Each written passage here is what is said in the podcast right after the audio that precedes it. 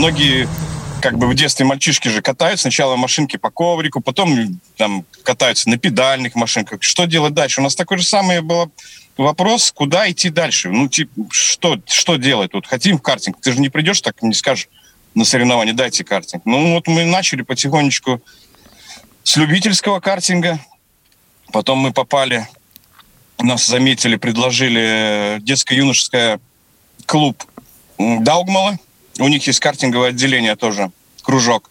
Нас пригласили туда, дали даже бесплатно технику, и там вот мы начали пробовать.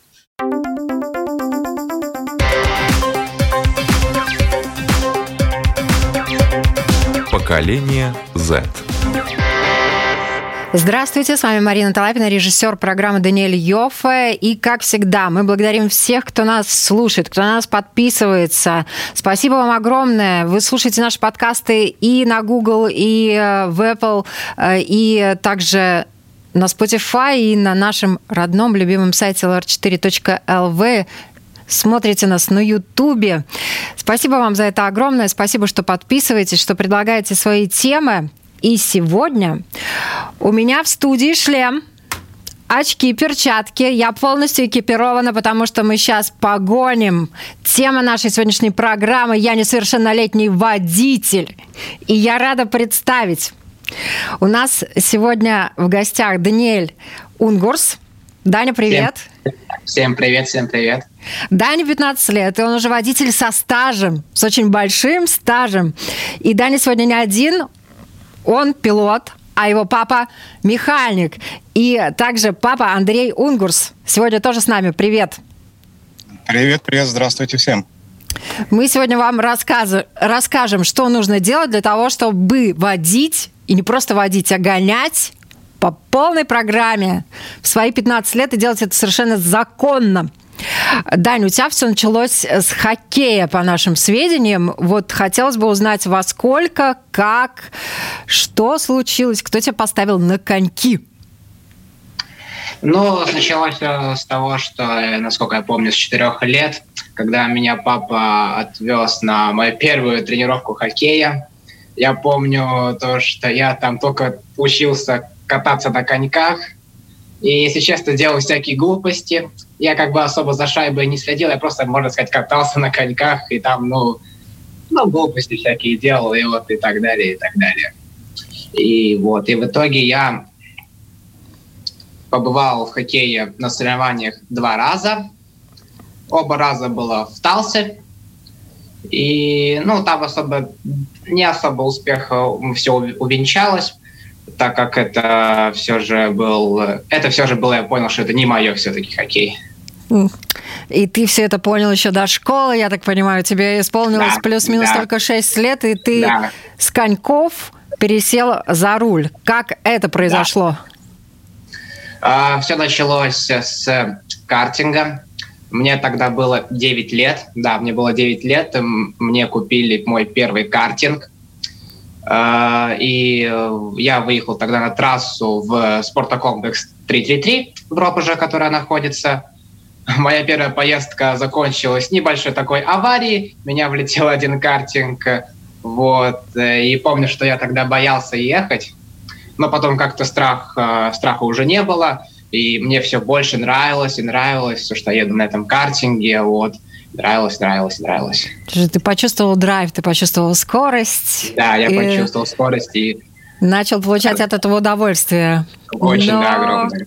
Видимо, папа это предвкушал, когда покупал тебе машину первую твою. Да? Да, папа? да. Ну, тогда было. Он еще начал, было понятно, что он к этому придет, когда он еще совсем маленький был на той машине по квартире ездил, которая ногами отталкивается. И с этого было уже понятно, куда это все идет. Вот, папа, давайте не будем скромничать. Перечислите, пожалуйста, все титулы, которые на сегодняшний день имеет э, Даник. Есть такая дисциплина, как миникары. Э, в них он был вице-чемпион Латвии.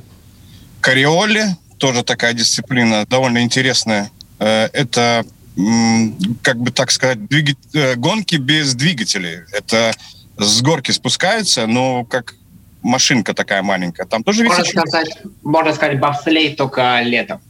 Да, именно так. И вот в последнем году, в этом году, ну, вице-чемпион в картинге, так называемом народном классе ТК, он называется в сеньорах. Ну вот боролся до последнего за чемпионство, но, увы. Второе место остался. Ну, это такие основные, которые там, не считая всяких мелочей остальных, там, потому что участвует он в сим-рейсинге тоже там куча... Электронные гонки. Да, вот. виртуальные гонки. Да. Виртуальные гонки. Но помимо всего прочего, я так понимаю, что да, ну вот как говорят вообще, на первую мужчину, э, на первую машину мужчина должен заработать сам, э, но когда тебе еще было не так много лет, да, э, ты смог заработать ее любовью родителей и, наверное, может быть, хорошим поведением, да, и вот этой своей увлеченностью, и ты сел за руль настоящего автомобиля. Да, и умеешь именно. его водить. Да, с 9 лет начал как раз-таки вот. Вот, с 9 лет начал, вот потом пошло это все. Папа, у меня вопрос к вам. Ребенку 9 лет. Как это было? Не, ну было, конечно, немножко страшно, но ничего, показал, показал как, что, чего на закрытой территории. Мы пробовали вперед-назад, ну и как-то так пошло. Причем при всем при этом он буквально через полгода уже в любительских соревнованиях э, участвовал уже. На время, на время. На время. А рост помните, какой у тебя был тогда? Метр там 51-2, что-то такое. Ну, подушки, куртки, все. Подушки, все да, все это. Да, до педали еле дотягивался, так что, да. Было весело. А что ты вот... Э, ты папу упросил или папа сказал, давай, сынок, попробуй? Чья это была идея? Я вот сейчас вспоминаю, и, по-моему, это все вот как раз-таки вот папа предложил, я такой, да, поехали, я хочу папа попробовать. Предложи... Папа предложил, а сын согласился. Да, именно. Маму, я так понимаю, не спрашивали. Ну, спрашивали на самом деле, она нас поддерживает. Вот прям очень сильно. Ну, это круто. Вообще, как мама реагировала, ну, вот посадить ребенка за руль? Я, мама, я не знаю, э, насколько я спокойно смогу отнестись к тому, если папа нашего сына решит в 9 лет посадить за руль, честно. На закрытой территории даже, пускай безопасно это все будет. Но так как мама, я думаю, что знала, куда я иду, я думаю, что она сто процентов была только за. Ох, отчаянные ребята сегодня у нас в гостях. И продолжаем. Вот э, ты вкусил дух э, вот этого удовольствия от вождения автомобиля с самого начала, да? Но э, за этот период времени, сколько уже плюс-минус получается, ты больше пяти лет этим серьезно занимаешься. А, сколько у тебя было машин? А, ну, у меня я ехал на по факту трех машин. Могу даже перечислить, какие это был первый мой вот это вот, который, на, на который я и сейчас еду, и вообще вот, с которой я начинал. Это был Volkswagen Golf 3 это вот. И еще на Volvo S60, но уже на спортивной, там, на каркасе, там вот, вот, вот это вот все. Вот. И еще какая-то была, по-моему. Та же вроде самая Volvo, просто немножечко там другая немножечко Volvo. Это что тоже 60 -ка. Папа, это все, естественно, такое недешевое удовольствие. Ну, ну, да, ну да, да, да. Автоспорт никогда не был дешевым. Не дешевле, чем хоккей однозначно. Огромные деньги. Это просто огромные деньги. То есть вы зарабатываете и вкладываете, зарабатываете и вкладываете. А... Отчасти так и отчасти так и происходит, но, слава богу, не без добрых людей, которые нас поддерживают. А отдача? Адреналин. Только фофан, да. да, адреналин, удовольствие. Удовольствие самое главное. Самое главное получать удовольствие. Это самое главное. Проиграл, выиграл, приехал, не доехал, главное получить удовольствие, и вот и все. Ну и плюс все движение, когда происходит соревнование, это ну, не описать, сколько ты получаешь эмоций, это просто супер. А сколько вообще ребят у нас в Латвии занимается вот этим видом спорта? Я думаю, что не так много людей себе могут это позволить своим детям. В последнее время на самом деле народу достаточно. В моем даже возрасте, когда вот даже начинали 9 лет, достаточно подростков таких, э, достаточно реально, многовато. Мешают, да? Да, мешают, мешают. Но, не, на самом деле тоже молодцы. Реально, я очень горжусь этими людьми, их родителями и так далее. Прям молодцы. Ну, в принципе, если взять так, ну, где-то с 6 лет до 15, то я думаю, что человек 50 в общей сложности наберется, кто картингом едет, едет в картинге. И вот картинг, мини-кары, автомобиль, какими средствами передвижения ты ну, еще владеешь? Конечно, а, вот это вот машина. А, кстати, еще такой был один момент у меня. Я у меня мне в, по-моему, 8 лет или в 7 подарили мой первый мопед. И вот я помню, что я все время по дворику им по ему раздавал, катался, и мне тоже тогда нравилось. Но потом вот так вот разонравилось, и вот так все получилось. А так э, а так только вот машина, картинг, ну и, в принципе, как бы вроде бы как и все. А вот. сложно? Они все отличаются? По управля... Именно по управлению, по поведению, вот это все, да, отличаются. Причем очень сильно. А в картинге, так как э, вес э, очень мало, там буквально 160 килограмм, то машина уже большая, она уже тонну весит, и, ну, сложнее управлять. Пап, Папа Андрей, вы же механик, да. вам все это надо чинить, ремонтировать, да? Именно так. Именно так. И как часто да. приходится автомобили для вашего юного спортсмена ремонтировать? Но автомобиль, слава богу, не так много, поскольку он ездит в соревнования, которые без общего старта на время, там не так сложно его разбить или поломать и так далее. А в картинге, в принципе, работы много, особенно во время соревнований, когда нужно после каждого заезда настраивать, искать какие-то настройки, чтобы он шел лучше и лучше, улучшать время, там есть над чем попотеть. И после того, как, скажем, на гонках ты проводишь где-то в среднем, получается, три дня, четверг, пятница и суббота, в воскресенье ты приезжаешь домой просто как выжатый лимон, и в понедельник очень трудно начать работать, потому что энергии отдано очень много. Как часто у вас соревнования проходят? В этом году в связи со всей ситуацией вместо шести этапов было три. Ну так в среднем, в принципе, шесть этапов э, на картинге получается за сезон. Но это без тренировок. Еще плюс, когда нет соревнований, уже ранней весной, как только сухо, уже происходят тренировки. Ну и в конце сезона тоже уже как бы начинаешь к следующему сезону готовиться и тоже начинаешь тренироваться, пока это возможно, пока сухо. И как э, твои тренировочные дни проходят? Во сколько они начинаются? Во сколько начинаешь гонять? Во сколько заканчиваешь? Начинаю обычно, лучше всего начать, конечно, утром, хотя бы вот в 11 часов начинаем. И, в принципе, до самого желательно вечера едем, катаемся, настраиваем, смотрим, что как, э, и все как бы. А сколько раз в неделю? Довольно-таки не так часто, потому что у нас такая техника капризная, довольно-таки ненадежная, поэтому мы так, ну мы так, раз в месяц можем вот покататься вот.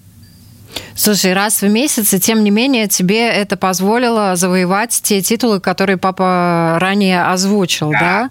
да? А и, вот о чем ты мечтаешь именно с технической точки зрения? Вот какую бы машину ты хотел, какой бы агрегат, я не знаю, там Какие вещи тебе нужны, и вот сколько раз э, в месяц ты хотел бы реально посвящать этому время? Там, в летний период, Если... например, когда тебе не надо учиться. Вот, вот э, у меня такая есть большая довольно-таки мечта э, поехать в ралли. Есть такая дисциплина ралли. купить э, спортивную машину Mitsubishi Evolution и покататься в ралли, вот посмотреть, что это такое, и, естественно, больше тренироваться, как бы развиваться над собой. Но также про учебу тоже, тоже не надо забывать. Это привет учителям ты передал, да? Что все да, в порядке. Да, Учиться да, ты планируешь? Да, да. Что думает папа по этому поводу? Ну, Формула-1 мы не собираемся, это точно. Это космос просто какой-то. Ну, я считаю, что все, все это движение даже больше для того, чтобы он сам, у самого него было общение. Это очень много новых знакомых, которые, возможно, ему в дальнейшем и в жизни пригодится. И, конечно же, то, что он умеет управлять автомобилем, это тоже не последний фактор, который в жизни может пригодиться. Можно и хорошую профессию, связанную с этим, найти, там, и инструктором, и, и или же тем же самым каким-то инженером, тем более, что Даниэлу, скажем так, может быть, не очень нравится крутить гайки, да, но он очень много работает с телеметрией, с временами, больше такое, по электронной части, скажем так. Я думаю, что в жизни ему это лишним точно не будет.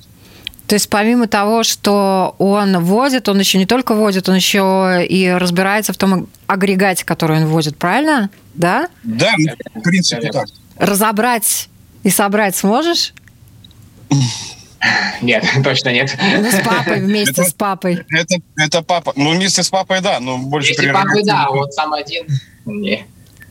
Слушайте, ну это но, уже круто. Ну, то, что у нас, ну, стоит такой специальный компьютер у нас на картинге, и он во время соревнований может видеть свои траектории, времена, и то есть он, ему нравится после гонки, после заезда больше с этой информацией поработать. Где он сделал ошибки, да? проанализировать. Именно, именно. То есть да. ты и как давно ты уже сразу начал включать э, свою голову на анализ того, как ты проехал? Э, это началось все как раз-таки вот, вот с вот этого вот, то, что я сейчас показываю, с электронных гонках. Э, это началось, когда мне вот было вот 13 лет, когда я анализировал каждую свою вообще движение, движение рулем, движение педалями. Вот тогда это вот началось. Это лишнее доказательство тому, что на самом деле вождение автомобиля а, может быть очень серьезным, э, таким трудом, да, тут и аналитику включаешь, и внимание. Тут включается очень много вещей и факторов, да, и если человек, который едет по дороге, он должен э, быть мобилизованным, адекватно воспринимать, что происходит во вокруг, анализировать э, поведение других участников движения, чтобы адекватно, соответственно, реагировать, да. то э, тут, э, с одной стороны, тоже идет анализ, но с другой стороны, адреналин про который вы уже сказали. Ты же хочешь приехать первым, тем более, что у тебя есть табло, на котором ты видишь, с какой скоростью ты едешь, сколько тебе там плюс-минус да. надо еще добавить. Да, вот как ты владеешь своими эмоциями во время соревнований? Ну, это, естественно, страшно. Очень страшно. Это самое первое. Но очень кайфово. Я прям с этого кайфую очень сильно. Папа, какие установки вы давали своему сыну и даете? Ему ты всегда говоришь перед стартом аккуратненько, поберегись, там не надо сделать никаких аварий и так далее. Но он, конечно, когда стартует, уже видит все это по-другому. И я скажу честно, гораздо сложнее смотреть на это со стороны. Бывало так, что некоторые круги или там пару кругов до финиша, когда он идет там в первой тройке, я просто старался отвернуться и не видеть, что происходит. Это очень тяжело. Ох, вот давайте рассказывайте, почему тяжело. Подготовьте других родителей, которые хотят отдать в этот вид спорта своих детей. Ну, во-первых, это, естественно, то, сколько ты вкладываешь. Во-вторых, это как бы само как бы вот э, то, что вот не попадешь ли ты в аварию, либо что-то вот такое на такой высокой скорости, все же 80-100 км в час в поворотах, это, ну, не шутки. И как бы зона безопасности там, ну, Да, есть, но, но не прям такие э, высокие. То есть, как бы вот, и скорее больше всего из-за этого. Папа, когда у, ну, у вас замирает так, сердце, да? Э, даже по статистике, наверное, если взять э, автоспорт, насколько он низкоростной был, но не столько травмоопасный. Сейчас довольно все работает на безопасность, то есть, ну, и, и защита ребер есть и так далее. Очень редко бывают большие крэши, когда, ну, реально можно разбиться, но они бывают, да. Но, конечно, ты за это все время переживаешь. В первую очередь за это, а вторую очередь уже за результат. Ну, как-то так.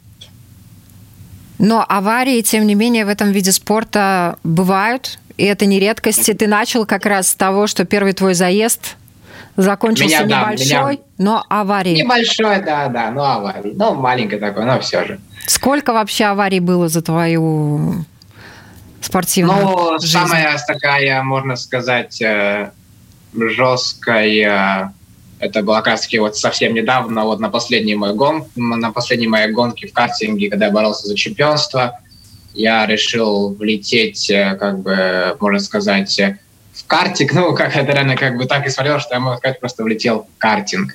И в итоге я подлетел так неплохо, так высоко достаточно. И ну, в итоге есть... вот, вот туда. Ну, скорее больше, наверное, вот так, скорее больше. Не вот так, скорее вот так именно вот так у меня зад по, по факту вот так приподнялся, и вот я улетел просто вот в траву, можно сказать. Это, в принципе, единственная жесткая авария, которая вот у меня вот в моей карьере была. Там получается то, что там получается, что у картинга открытые колеса, не как у машины в крыльях, да, и он наехал своим передним на заднее колесо лидера, и за счет этого его как бы подкинуло вверх. Но да, из-за этого не было, э, не получился результат, и плюс погнутое шасси, и слава богу, что Данил вообще тогда до финиша доехал, там все было криво-косо, ему было очень тяжело ехать, но он молодец, что он боролся до конца, не, не плюнул, не вылез, там, не, не разобиделся и так далее. Он, вот что есть у него, что он борется всегда до конца. Характер. Наверное, в папу или в маму. А мама тоже на соревнования ездит? У нее тоже сердце там заходится? Или она остается дома? Она остается, она, можно сказать, остается в машине. Она с нами тоже едет, когда она выходная, когда у нее работы нету, она тоже с нами едет, но гонки она так. Ну, особо не смотрит, она в машине все это время сидит. Слушайте, чтобы... но это все равно травмы, в том числе и водителя, да, в том числе и пилота. Да. Вот, э, ну, какие-то случаи были на трассах, в соревнованиях, когда, ну, тебя, может быть, они тронули, чужие аварии жесткие. О чем Но... надо обязательно все равно знать людям, которые садятся за руль и которые, ну вот, хотят заниматься этим видом спорта?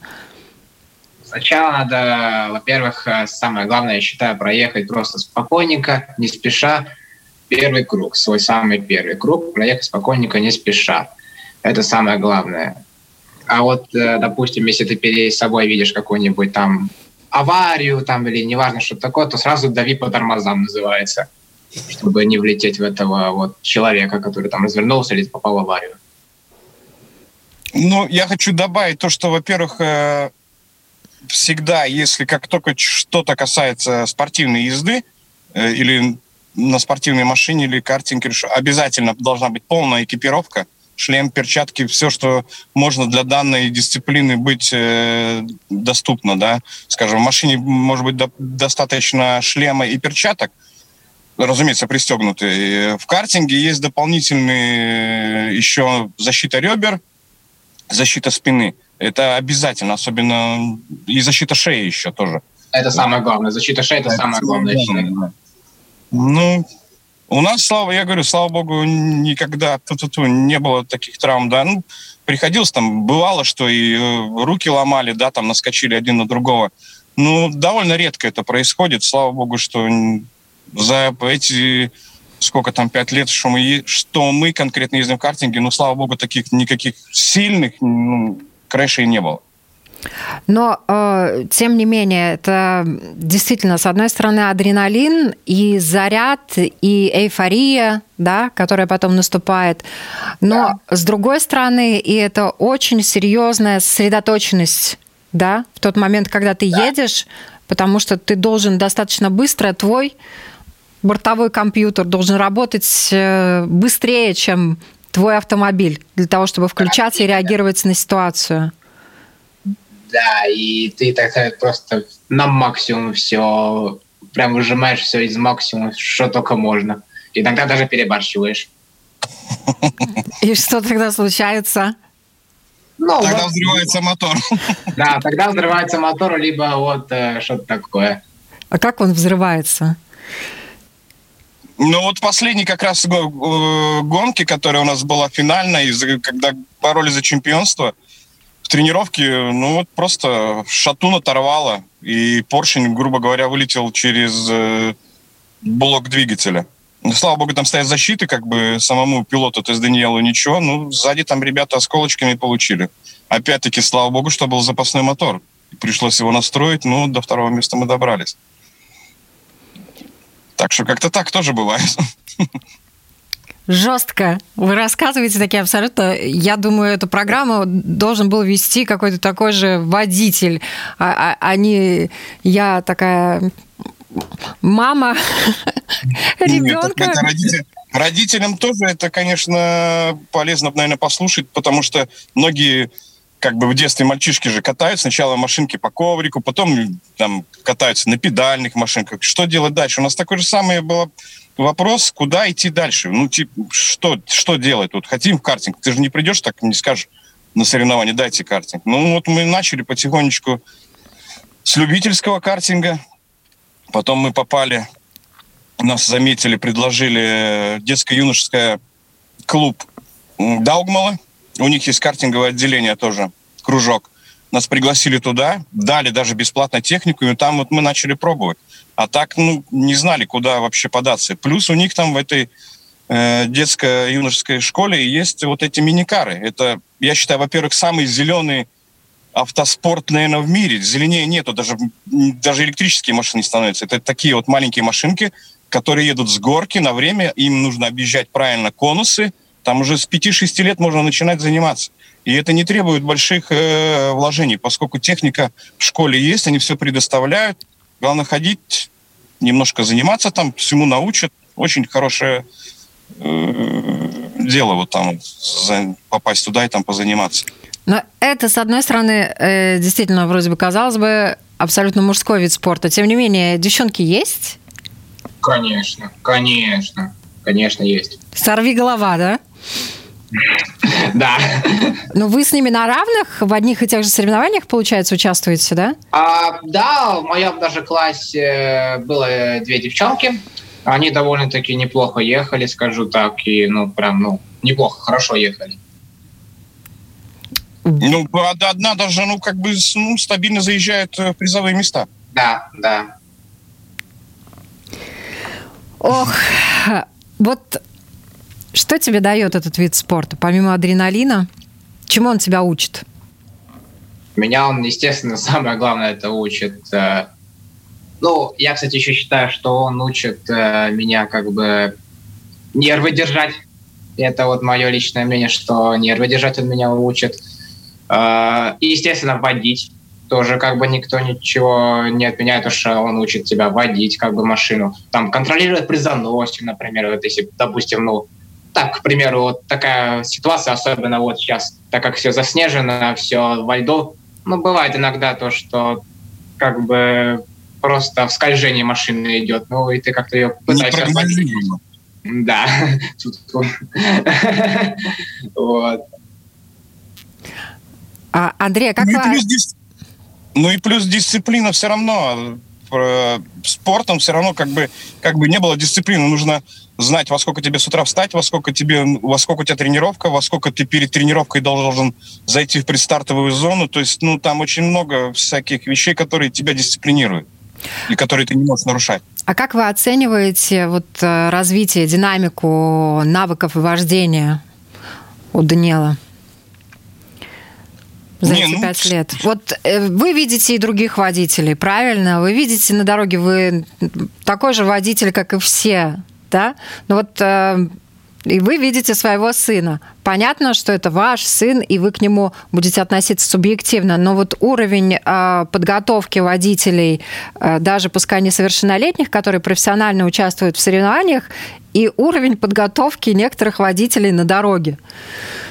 Ну, то, что ему будет в будущем вот в таких экстремальных, скажем, погодных условиях, как у нас на этой неделе получились, снег и так далее. Я думаю, что ему будет проще в этом области э, ездить, да. Ну, немножко, конечно, когда ему исполнится те же самые там 16 лет, когда можно будет белые права получить, нужно немножко подучить его, скажем так, нежнее ездить. Нежнее, потому что, да. да. Потому что сейчас это спорт, да. и все немножко агрессивно происходит.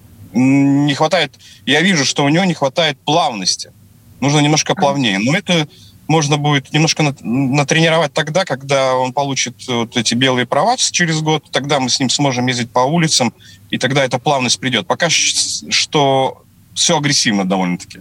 Поскольку закрытые территории, ничего не боимся и так далее, и так далее. Все происходит агрессивно довольно-таки. Но эту агрессивность нельзя на дороге выпускать ни в коем случае, поэтому, с одной стороны, вот всем советую, даже кто ведет себя агрессивно на дорогах, лучше поедьте, снимите трассу на час, выпустите пар, и ты потом ездишь по дороге спокойно, без проблем. А вы тоже периодически садитесь и гоняете на закрытых да, трассах? Да, иногда даже участвуем вместе в одних соревнованиях. Тут в прошлом году получилось, что и Даниил ехал, и я тоже в этих соревнованиях. Первый заезд я выиграл, второй заезд он меня выиграл. На машине причем. Да. На одной и той же? Причем зимой. Ничего себе. Даниэл, слушай, но ты все равно ездишь рядом с водителем, и у водителей есть э, как бы все равно инстинкты срабатывают. Если ты едешь рядом, ты тоже ведешь машину. Да? Именно. Ты тоже готов Именно. там нажать да. лишний раз и на тормоз да. иногда. да. да. И тоже да. мониторишь да. ситуацию. Вот, ну, э, ты как себя чувствуешь, э, вот как ты видишь эту разницу? Ты на трассе, закрытые, и ты на дороге, когда очень много автомобилей вокруг? Если честно, то если я бы сейчас бы ехал бы вот на дороге обычно, то мне было бы очень страшно. Очень страшно. Потому что вокруг люди, живые люди, и как бы вот, ну, немножко страшновато. И есть такое, еще знаки, вот это вот все, как бы... Неуютно. Неуютненько, да. Но к этому надо привыкнуть, и дальше там, я думаю, что пойдет все хорошо. Андрей, хочется вас спросить, а когда вы начали водить? Сколько вам было лет? Ну, я еще с Советского Союза, -то рожденный, тогда с транспортом вообще было тяжко. У меня у дедушки была машина, но так конкретно, что я... Ну, у меня мотоцикл был, 16 лет, как у всех подростков, наверное. Ну, не у всех, у многих э, в то время. А реально за машину, за руль я, наверное, сел, ну, те же самые 16 лет, наверное. А как и, вы...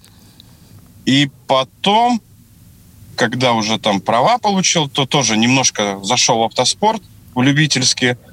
Там были всякие ралли-спринты, спринты на время, и, немножко любительский картинг тоже. Ну, как-то так вот и пошло все. И пошло все, и вы э, превратили вообще автомобиль в свою профессию, правильно? Я понимаю. Ну да, так оно и есть, да. И это отчасти помогает, наверное. Это хорошее подспорье, правильно? То, что вы сами все умеете делать и разбирать, и собирать, и...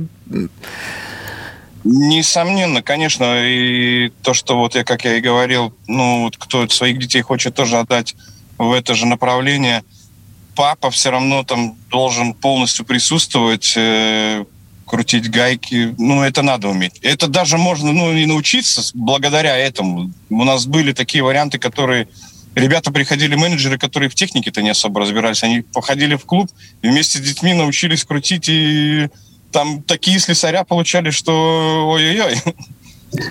Так что, ну, как-то так, да. Но дети тоже учатся тому, как устроен автомобиль, как ремонтировать автомобиль, да, и ты уже в свои детские годы тоже, наверное, можешь его и починить, если потребуется. Ну, как... Ну, в принципе, да. Если так в принципе, можно. Какую поломку ты бы смог устранить? В чем бы ты смог разобраться? Поменять колесо. И что еще? Сейчас, сейчас. Ну, поменять колесо это уже много в наше время. Да, вот именно. И вы что, поменять колесо, прокону какого что еще? Я что-то еще могу. Я знаю, что я что-то еще могу. Ну, как я и говорил, Даниил, он больше не техник, а ну вот больше Электронщик. Он с программами всякими, да. Поэтому и вот он сидит за рулем. Это виртуальные гонки, которые сейчас происходят. Это ну, такое сейчас очень развивающаяся тема поскольку все по домам сидят, и происходят довольно большие чемпионаты, и там тоже куча, скажем так, настроек автомобилей, которые можно выучить по этим гонкам. И твои успехи, эти гонки, сколько им времени ты посвящаешь, и с какими э, соперниками, из каких стран ты соревнуешься? А, началось все с Латвии, естественно. Э, мне купили, подарили компьютер ноутбук. Я начал ехать в латвийском чемпионате по этим виртуальным гонкам. В принципе, результат э, более-менее был хороший. То есть так, в топ-10 в топ заезжал там в, на пятое место, там на седьмое место, что-то такое вот. Из 30 пилотов, в принципе, хорошо было. А потом э, я начал, нашел э, русский, русские там чемпионаты и начал уже на них как бы настраиваться. И я сейчас только вот э, в, можно сказать, с русскими катаюсь из России, с Украины, из стран СНГ, можно так сказать. Но там толпа а, побольше. Да, побольше, да. И что хотел еще сказать э, по поводу того, сколько я этим занимаюсь. Прихожу со школы, сажусь в это вот место и вот и вот и катаюсь, можно сказать, тренируюсь там и вот всякое вот такое вот. А уроки. Папа приходит уроки, потом... Делает... Уроки никто не отменял. Уроки точно никто не отменял. Делаю вот их э, вечером. У меня как это работает? Я прихожу домой примерно вот э, где-то вот около полтретьего, там в три, возможно. Немножечко покатался, пошел поспать немножечко, и вот э, проснулся, там часик-то поспал какой-нибудь, и делаю, вот начинаю делать уроки. Где-то вот так, под вечер уже более-менее, там 8 часов, если так. Но мне кажется, все равно для того, чтобы водить автомобиль в таком возрасте, быть пилотом, должен быть определенный склад ума, навыки и, конечно же, способности, да? Ну, естественно, да, естественно. Вот э, вы, э, Андрей, если бы у вас сын, э, я не знаю, захотел все-таки в хоккей играть, да, и у него все это пошло, вы бы его потом дополнительно на автомобиль посадили бы в юном я возрасте? Думаю, что, скорее всего, что да. Ну, я, кстати, не настаивал не особо на хоккей. Хоккей, да, как бы мне нравился. Для, ему как бы для здоровья вроде как казалось бы тоже было бы лучше. Мы отдали его без всяких там целей, что какими-то чемпионами стать и так далее. Он попробовал, ему не понравилось, никто его не заставлял. Так же самое с машинами. Тоже этот картинг, мы как, ну, все идет к тому, что там вот он хочет, там на чем-то ездить. Ну, купили там картинг такой самый дешевенький. Попробовал, ну, нравится, нравится. Ну, идем дальше. Сказал бы, не нравится, ну, тормознули бы, не нашли бы что-нибудь другое. Ну, в принципе, все время чем-то увлекаемся, но я никогда не сторонник того, чтобы даже то, что нравится мне, чтобы я заставил. Это, ну, это не ваш стиль родительства? Нет, нет, нет, нет. нет. А есть э, какие-то такие, я не знаю, традиции, суеверия перед стартом? Есть? Расскажете? Раскройте? Да нет. У тебя есть, нет? Проверяя перед стартом? Ну, на самом деле, скорее нет, чем да. Ну, у, меня, у меня есть, я где-то пару лет назад, но у нас как-то все не шло, у нас то техника ломалась, то еще что-то в самой гонке не получилось. И когда все сложилось и было все хорошо, и техника пошла, и Даниил хорошо проехал, я был в одной кепке, скажем так. Я ношу кепки, и эта кепка, она уже застирана вся, за, за, выцвевшая, и я сейчас ее, в принципе, прячу, чтобы она нигде не пропала, чтобы я только знаю, где она лежит. И на все соревнования я всегда ее одеваю. Как бы не было смешно бы, я бы сказал, в этом году один заезд был, на которую я ее не одел. и у нас сломался картинг, мы не смогли на квалификацию выехать. Я сначала так не понял, что, что бах, я нету кепки на голове. И вот, ну, верь, не верь, но есть это какой талисман у меня. Круто. А Причем эту кепку выиграл Даниэл какой-то из викторин э, на награждении было годовое. И викторина была тоже про автоспорт, и он там ее выиграл, эту кепку. Ну, как-то она перешла ко мне, и она счастлива. А что пилотам желают перед стартом? Ну, да, удачи это самое главное. И просто красиво, спокойно, без аварий, красиво побороться. И вот, главное, аккуратно. Вот. Ну, у нас традиция есть с Даниэлом. Я ему всегда говорю, давай аккуратно, без крэшей и кулачками. Помнишь, ударились, все, да, поехали. У нас традиция, да, такая. Слушайте, ну класс. На самом деле, я вас слушаю, я понимаю, что для вас это ну, вы получаете реально удовольствие. И папа, и сын, и да, конечно. Мама тоже. Мама тоже. И спорт, это понятно, и хочется призов и медалей, но главное та атмосфера, тот адреналин, та эйфория от самого да, участия. Говорим, главная движуха. Главная движуха, чтобы была. Это круто. Ваши пожелания вообще всем, и пилотам, и водителям, и будущим, и маленьким, и совершеннолетним, и несовершеннолетним. Даниэл, давай. Я желаю, чтобы просто самое главное – это кайфовать от жизни, несмотря на такое время, кайфовать от жизни, чтобы все получалось. И вот. Главное, чтобы все получилось. Андрей. Ну, водителям, чтобы пожелать э, спокойнее ездить. Не надо никуда торопиться. Не нужно агрессивничать. Минута вам простой пробки ничего не даст. Так что хорошие дороги без снега. А молодым водителям, которые хотят тоже попробовать картинг или что-то другое, тоже попытать счастье в этом всегда можно попробовать, понравится, не понравится – Всегда, кстати, готовы помочь. Э, у Даниэла и у меня на Facebook страничке можете зайти, посмотреть, там куча информации и по Даниэлу, и как, и что, и где пойти. Напишите, всегда поможем, особенно вот маленьким, кто 5-6 лет, 7, не знает куда. У нас эта проблема была большая. Мы не знали, куда. Ну, сейчас можем поделиться так, таким опытом с каждым.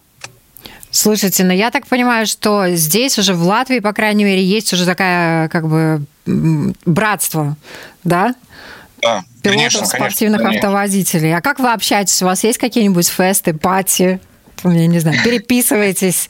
А нужна такая деталь, есть у кого-то? Нет, я не, я не представляю. Расскажите немного, буквально у нас остается две минуты, но чуть-чуть об этом.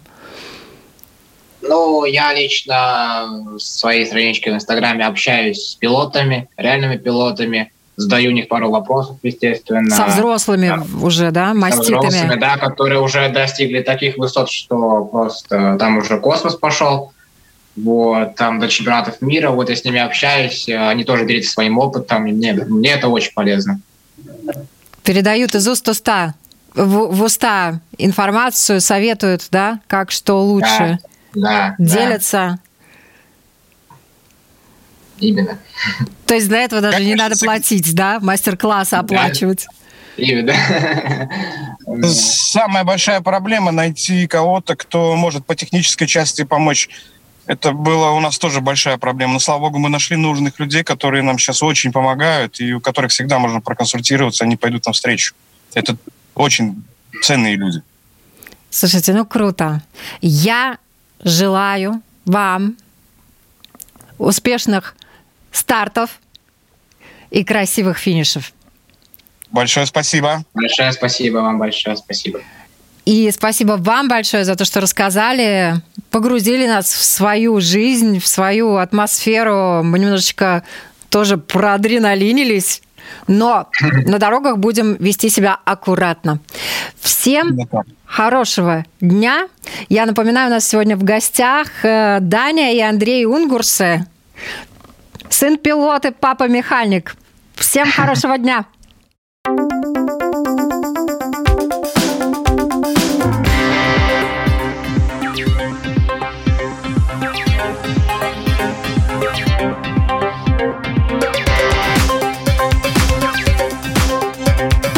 Поколение Z.